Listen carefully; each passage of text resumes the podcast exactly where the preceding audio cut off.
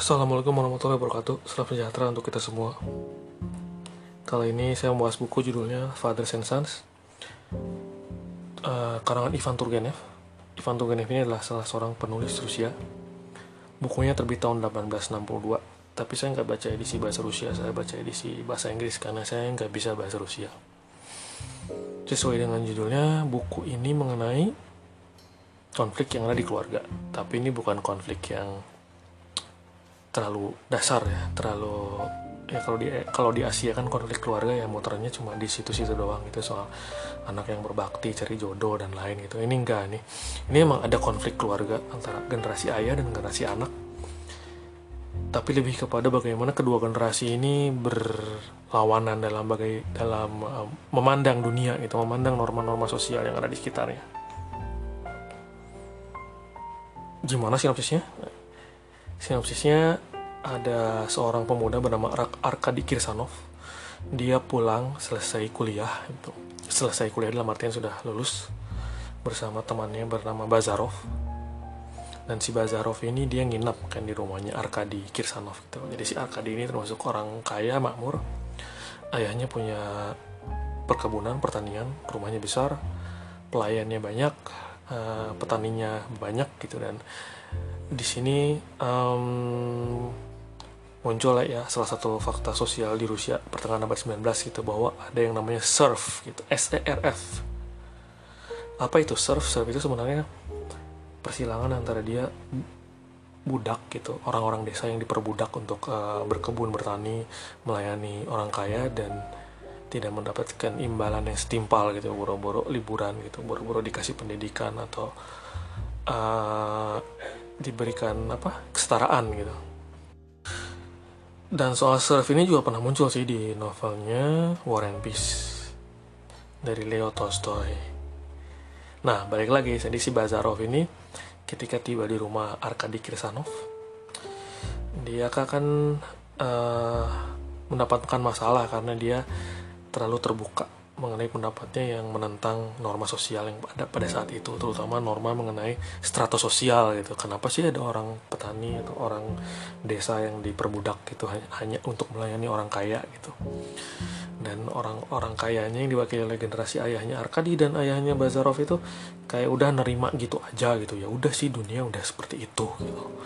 Di sini sebenarnya konfliknya gitu dan, dan tentu saja ini dibumbui dengan kisah cinta ya. jadi si Bazarov yang pragmatis logis ini dia tidak mampu apa ya dia tidak mampu menyerahkan dirinya terhadap uh, rasa cinta yang sudah menggebu-gebu di dalam dadanya ketika dia mencintai seorang uh, putri orang kaya juga gitu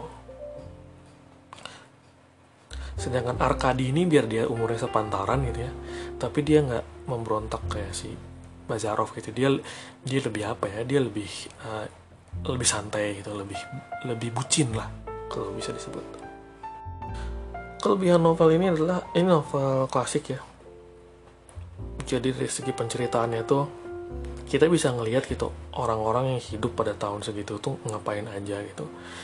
Dari kehidupan sehari-hari pakaian bagaimana cara mereka ngobrol uh, strata sosial gitu. Dan ini memang uh, terasa asing gitu. Apalagi bagi saya yang hidup di Indonesia yang belum ke Rusia dan nggak punya mesin waktu bisa ke abad 19 tapi menarik gitu bahwa emang di, di tiap zaman selalu begitu ya masalahnya gitu. Generasi tua yang udah nyaman dengan norma-norma yang ada dan dia nggak mempertanyakan gitu. Sedangkan generasi muda masih menggebu-gebu dia mempertanyakan norma-norma yang ada gitu dan ini menjadi siklus gitu yang muda kemudian menjadi tua dan dia berkonflik juga dengan generasi muda gitu. Terlepas dari ini apa latar belakangnya Rusia dengan surf dengan apa dialog-dialog yang agak nyerempet filsafat tapi ya ini relevan sih dengan keadaan Indonesia juga sekarang gitu. Jadi kaum ayah itu udah merasa bahwa zaman zaman mereka udah lewat terus mereka udah merasa udah cukup eh, dan merasa bahwa ya norma-norma dan petua-petua hidupnya itu juga bisa diterapkan pada generasi muda itu dengan generasi mudanya tuh merasa bahwa ya saya udah kenal sesuatu yang baru yang pengetahuan yang baru filsafat yang baru dan nggak kayak begitu deh gitu. Dan memang yang menarik menghibur dari novel ini adalah um, suasana relung ruang batin karakternya gitu yang bisa digambarkan dengan menarik gitu. Saya bilang menarik bukan karena ini kosakatanya absurd atau terlalu adiluhung atau dia strukturnya bikin kamu garuk-garuk kepala gitu. Enggak ini kehidupan sehari-hari gitu terlepas dari ada pernak-pernik kerusiaannya itu ada ya ada cuplikan kehidupan sosial gitu yang terasa jauh dengan Indonesia tapi konflik yang mereka alami itu konflik sehari-hari gitu. Dan betapa ada sesuatu yang sangat sederhana tapi sangat mendalam gitu mengenai ya itu tadi apa krisis mencari makna hidup gitu. Dan ini novel yang penting gitu untuk dibaca oleh uh, orang-orang yang udah punya anak gitu. Atau orang-orang yang uh, belum punya anak. Jadi bisa melihat dua sisi sudut pandang dalam menghadapi suatu masalah gitu. Dan latar dari novel ini adalah sebagai respon dari apa ya pergesekan budaya di Rusia pada tahun 1830 sampai 1840-an gitu. Antara generasi tua dan generasi muda pada masanya gitu ya. Dan nggak terlalu ribet sih sebenarnya ini nggak sampai kalau War and Peace itu kan. Kalau kamu nggak tahu sejarah Eropa abad 19 nggak tahu ini nggak tahu itu itu novel yang ribet. Ini nggak sih. Ini memang terlihat ribet tapi nggak. Dan halamannya juga nggak terlalu banyak jadi bisa selesai dengan cepat gitu. Misalnya sibuk nggak apa nggak sempat baca bukunya ini bisa dicicil gitu kan. Uh, salah satu elemen lainnya adalah pertemanan si Arkadi sama si Bazarov ini yang menarik jadi ada pasang surutnya pertemanan gitu. Yang mana uh, bukunya itu tidak menggampangkan gitu. Bahwa tidak semua generasi muda itu orangnya senang memberontak gitu dan mempertanyakan gitu. Ini diwakili oleh si Arkadi yang ya udah dia menerima dunia apa adanya dan menjadi seorang bucin ya.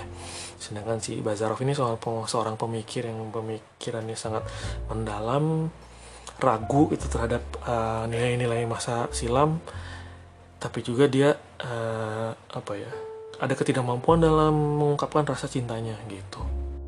Dan emang sambil ngebaca tuh akhirnya pembaca dapat apa ya dapat intipan gitu. Kenapa sih si si Bazarov bisa jadi kayak begitu? Ada ada ada sebab akibatnya gitu. Kenapa sih Arkadi menjadi seperti begitu? Dan ini menarik gitu untuk mengetahui karakter manusia gitu.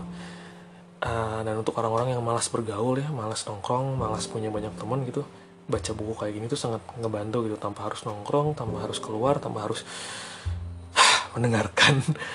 Bacotan-bacotan nggak penting. Bisa bisa tahu oh ada orang yang karakternya begini tuh oh penyebabnya begini tuh. Jadi uh, sungguh sangat menghemat waktu ya membaca buku seperti begini gitu ya.